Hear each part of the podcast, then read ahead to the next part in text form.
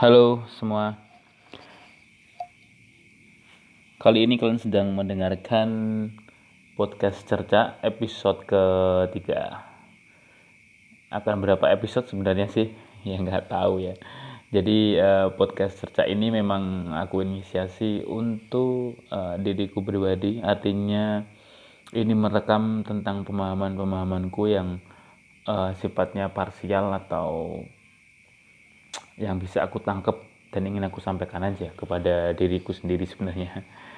Tapi kalau dari teman-teman ingin mendengarkan dan mencoba mau mendengarkan ya, ya nggak apa-apa juga gitu. Oke, ini pada tanggal berapa? 17 ya, 17 Desember 2020. Ya, ini kita sedang mau mendekati akhir tahun. Hmm, nggak terasa sudah hampir satu tahun ya nanti kalau per Maret kayaknya uh, corona sedang melanda dunia. Tapi uh, tidak apa-apa. Sepertinya kita juga harus uh, menerima semua ini karena uh, bagaimanapun ini adalah sebuah nggak uh, tahu ya ini sebuah ujian atau memang kesalahan yang dibuat oleh manusia sendiri ya karena kan sering ya manusia mengorbankan atau mengobjektifikasi ujian. Padahal sebenarnya adalah bagian dari kesalahannya yang ya sebab akibat aja gitu. Um, apa ya? Apa malam ini aku sedang ngobrol ini sedang jam 11 lebih. Sebenarnya tadi uh, sempat diajak uh, podcast juga bersama Firda. Firda itu temanku dari uh, satu kantor. Jadi tadi sempat ada problem karena ini podcastnya direkam dari via suara telepon. Tetapi karena tadi saya nggak pakai headset jadi otomatis suaranya nggak begitu jelas gitu. Nah jadi ini mumpung ingat jadi aku ingin uh, apa ya ingin ya sekedar cerita aja lah kepada teman-teman ya bahwa uh, ini adalah fase baru bagi saya fase baru karena uh, saya punya peran baru tentunya karena uh, pada 21 Oktober kemarin telah lahir putri pertama saya Arundati Kindi dan uh, ini merupakan pembelajaran yang luar biasa sih buat aku selama masa pandemi mulai dari masa kehamilan dikandung uh, si kecil dikandung oleh ibunya dan juga sampai lahir dan uh, melalui proses sampai detik ini gitu ini lebih aku ingin membahas tentang bahwa setelah saya pahami meskipun ya bisa dibilang saya baru mau menginjak setahun pernikahan tapi sudah alhamdulillah sudah dikaruniai uh, seorang putri dan dititipin oleh Allah ya. Uh, oh kok dititipin ya bahasanya kayak apa aja?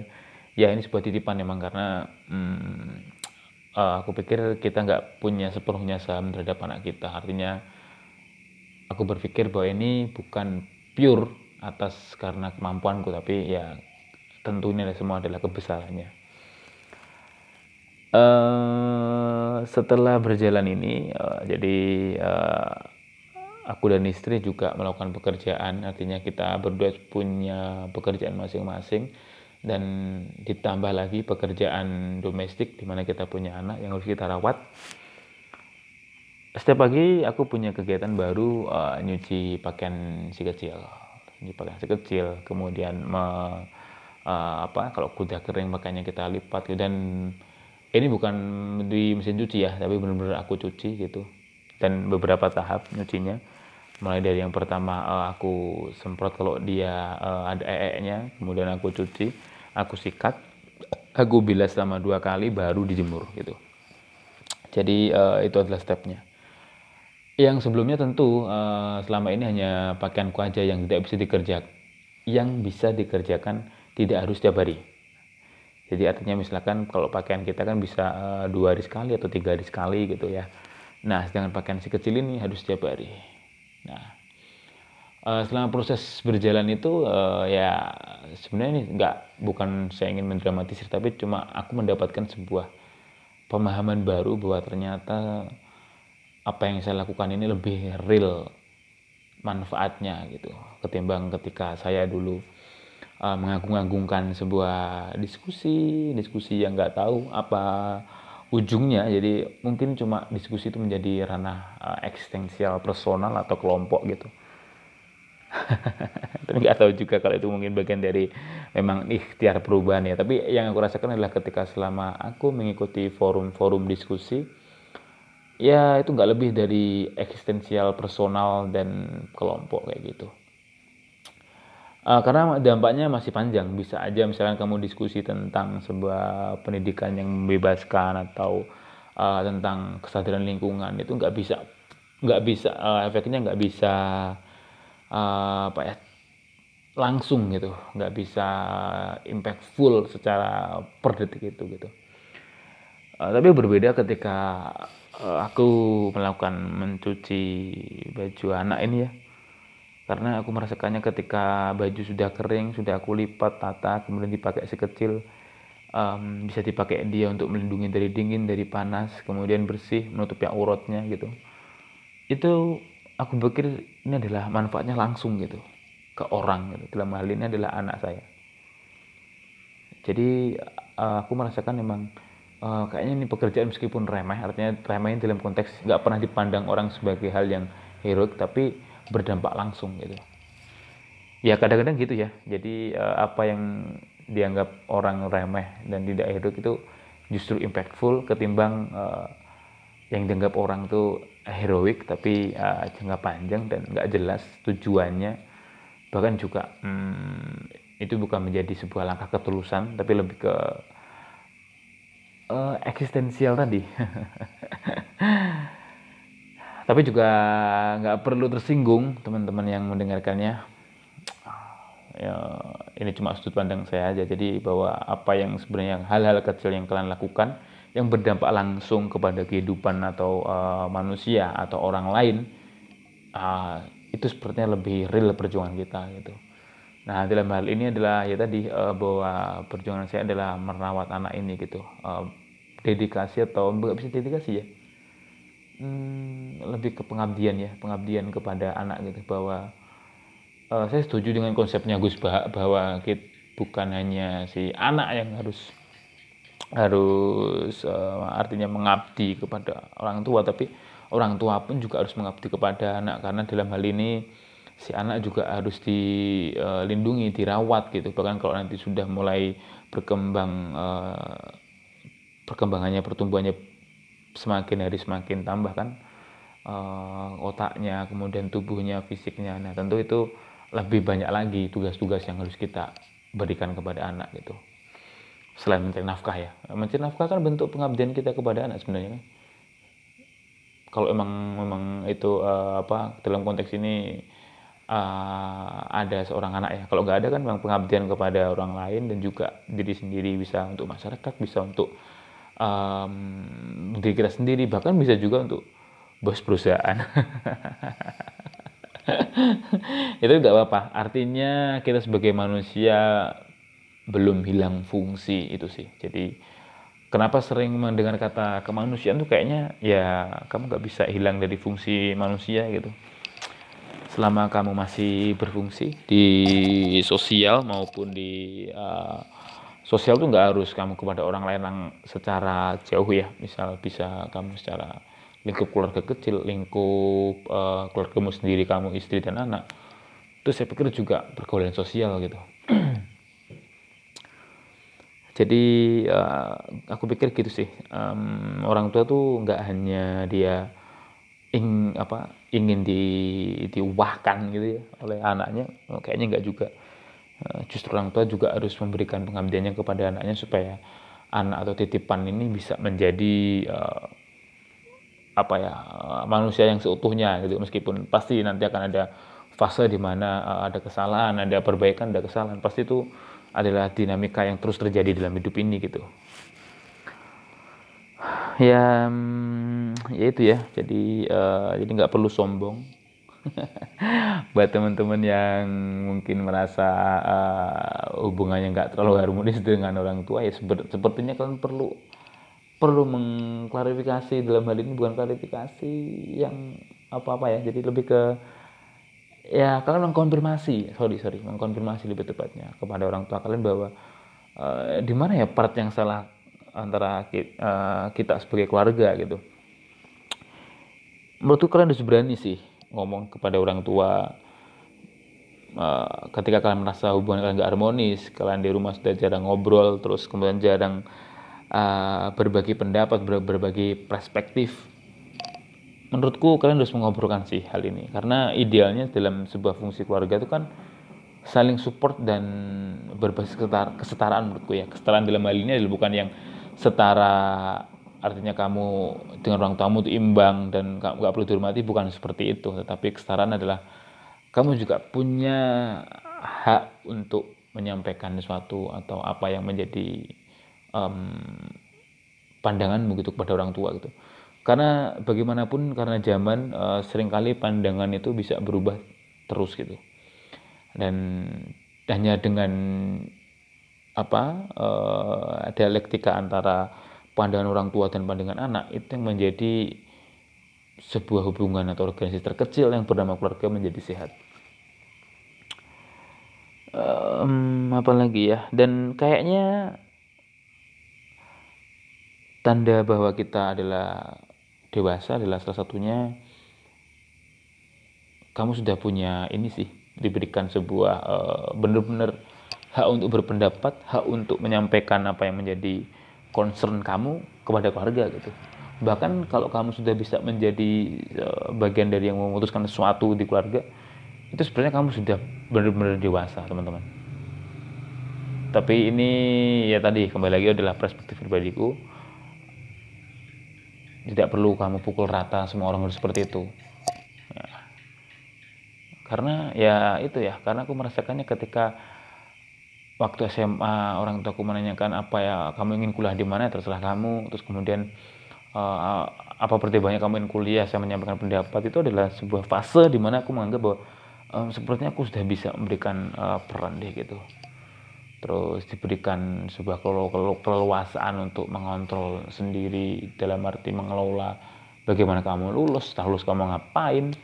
Terus diberikan ya itu itu sebuah uh, menurut saya sebuah fase di mana orang tamu sudah tidak terlibat secara penuh dan artinya kamu sudah bisa dikatakan sebagai orang yang mandiri atau dewasa. Tapi selama kamu masih belum lepas dari itu dan didikte secara berlebihan ya oleh orang tua, ya seperti ini kamu perlu mengkonfirmasi dan menanyakan bahwa sebenarnya tujuan orang tua itu memiliki kamu itu apa. Bisa aja memang orang tua itu egois, hanya ingin kamu punya anak didikte dan kamu dijadikan sebagai objektif objektifikasi ya, uh, mainannya aja kamu harus seperti ini seperti itu gitu. Uh, ya seperti itu ya jadi um, sepertinya perlu memang uh, antara orang tua dan juga anak untuk saling berkomunikasi yang lebih terbuka gitu meskipun beberapa hal yang sifatnya benar-benar nggak bisa disampaikan ya kalian harus mengkip itu dan dijaga baik-baik gitu. Nggak perlu kalian juga lebay semua hal sampaikan orang tua itu juga bisa berdampak kepada uh, kamu nggak punya kemandirian memutuskan sesuatu secara personal gitu. Apa-apa perlu pertimbangan orang tua juga nggak baik juga sih gitu. Pada porsinya tapi tetap kamu jujur dan kamu punya hak atas keputusanmu gitu um, ya seperti itu ya. Jadi uh, uh, tadi sempat kepikiran karena podcast dengan si Firda membahas hal ini. Cuman karena aku gak puas dengan suaranya atau suara yang muncul dari saya akhirnya saya buat di ini teman-teman supaya kalian bisa mendengarkan perspektifku tentang um, keluarga dan ya bisa dikatakan uh, ini ya um, ya parenting ya tentang keparentingannya. Oke itu um, nggak tahu ini bakal sampai kapan ya eh, pandemi ini bakal bakal lerai gitu. Tapi termasuk hal yang hal yang bagus dan kita syukur ya uh, ini ada pengumuman dari presiden bahwa vaksin akan digratiskan gitu meskipun itu terlepas dari itu tujuan politik atau apa tapi itu adalah bentuk komitmen yang menurut saya harus real diperjuangkan. Karena bagaimanapun kesehatan adalah perlindungan utama untuk warga negaranya gitu. Dan negara harus bertanggung jawab atas hal itu gitu. Kalau enggak ya ya sama aja dengan dengan uh, apa uh, negara kan semacam orang tua kita gitu kan. Kalau kita ibaratkan nah ketika kamu sakit ya nggak mungkin lah uh, kamu ketika nanti suatu ketika punya uang terus membayarnya kepada orang tua nggak mungkin lah kayak gitu itu nggak mungkin terjadi. Jadi ya memang orang tua harus bertanggung jawab atas apa yang diterita oleh anaknya ya ya itu yang harus dicukupin gitu. Dan kerugian pun itu juga harus ditanggung oleh orang tua gitu. Meskipun sebenarnya juga uh, kalau orang tua menghutang jadi bisa bisa membayarin kamu nggak uh, sakit gitu. Kemudian orang tua mau chaos atau artinya uh, meninggal gitu ya hutang kan kamu yang harus membayar dalam hal ini ya rakyat gitu. Tapi pada intinya adalah tetap yang harus bertanggung jawab secara penuh adalah orang tua. Dalam hal ini adalah negara. Hmm, ya gitu ya. Jadi uh, apa tadi kok bisa bisa sampai vaksin? Ya nggak apa lah tapi ya oh ya ini aku juga ada satu bahasan yang menarik banget tentang tentang perempuan gitu. Uh, perempuan berat ya ternyata ya pekerjaannya kalau apalagi sudah menikah kemudian punya anak. Dia harus merelakan hal-hal yang sebenarnya bisa dia dapatkan dari pergaulan misalkan ngobrol nongkrong kemudian hangout uh, itu harus ditanggalkan dulu karena harus merawat anak dan juga keluarga. Itu berat berat apalagi kalau si perempuannya juga bekerja itu uh, pasti banyak hal yang dikesampingkan uh, dan ditirakati untuk tidak dilakukan uh, untuk kebahagiaan dan untuk keselamatan dan tumbuh kembang anak ataupun uh, kebaikan keluarga gitu. Jadi kalau ada yang meremehkan perempuan bahwa perempuan tuh uh, ya nggak ngapa-ngapain gitu meskipun dia ibu rumah tangga cuman masak kemudian uh, nyuci dan uh, mana ya. Kalau bahasa Jawanya mana atau melahirkan doang ya kayaknya nggak gitu sih. Mungkin yang bisa bicara kayak gitu atau meremehkan gitu kayaknya ada problem sih kalian. Tapi juga nggak perlu digaung-gaungkan bahwa ini perjuangan perempuan. Nggak nggak perlu. Itu adalah sebuah kewajaran itu dan sebuah kewajiban kayaknya bahwa ya itu sudah keniscayaan ketika kamu punya tanggung jawab baru ya otomatis tugas-tugasnya lebih berat gitu. Nggak ada ceritanya tanggung jawab baru dengan tugas-tugas yang lebih mudah. Ya bisa jadi kalau itu memang dia berjiwa korup ya. Ya ya, ya, ya seperti itulah. Tapi selalu menjadi masalah itu orang-orang yang dia diberikan tanggung jawab baru tapi nggak bisa menyelesaikan dan nggak mau melakukan tugas-tugas baru itu itu nggak nggak fair nggak imbang ya yang terjadi adalah um, sebuah uh, ini ya degradasi perilaku yang terjadinya. Oke. Okay.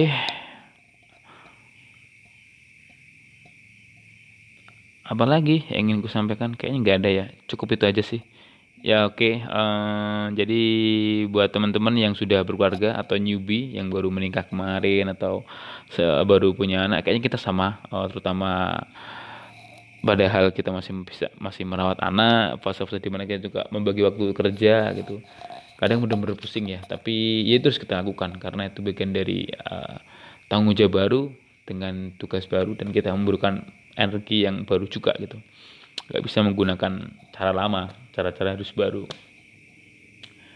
Oke teman-teman. See you di episode selanjutnya ya. Hmm, semoga teman-teman tetap suka dengan podcast ini. Tapi meskipun nggak suka juga nggak apa-apa. Uh, karena tujuan awalnya podcast ini adalah untuk diri saya sendiri. Untuk merekam sebuah uh, perspektif-perspektif yang sifatnya parsial yang bisa saya rekam melalui podcast ini gitu. Tapi jika pun kalian mendengar, terima kasih. Semoga ada yang bisa kalian ambil atau kalian hilangkan ya. saya nggak perlu optimis menjadi uh, motivator atau memotivasi dari podcast ini atau bahkan menginspirasi pun nggak ada. Ini benar-benar murni uh, saya hanya ingin menyampaikan ini dan media yang cukup menarik bisa saya recalling ketika nanti sekolah eh, nggak uh, tahu saya sampai umur berapa ya bisa saya denger-denger sendiri bahwa itu pikiran-pikiran konyol dan bodoh di usia itu gitu. Sebagai pembelajaran kepada anak saya. Oke. Okay. see you. Selamat beraktivitas semua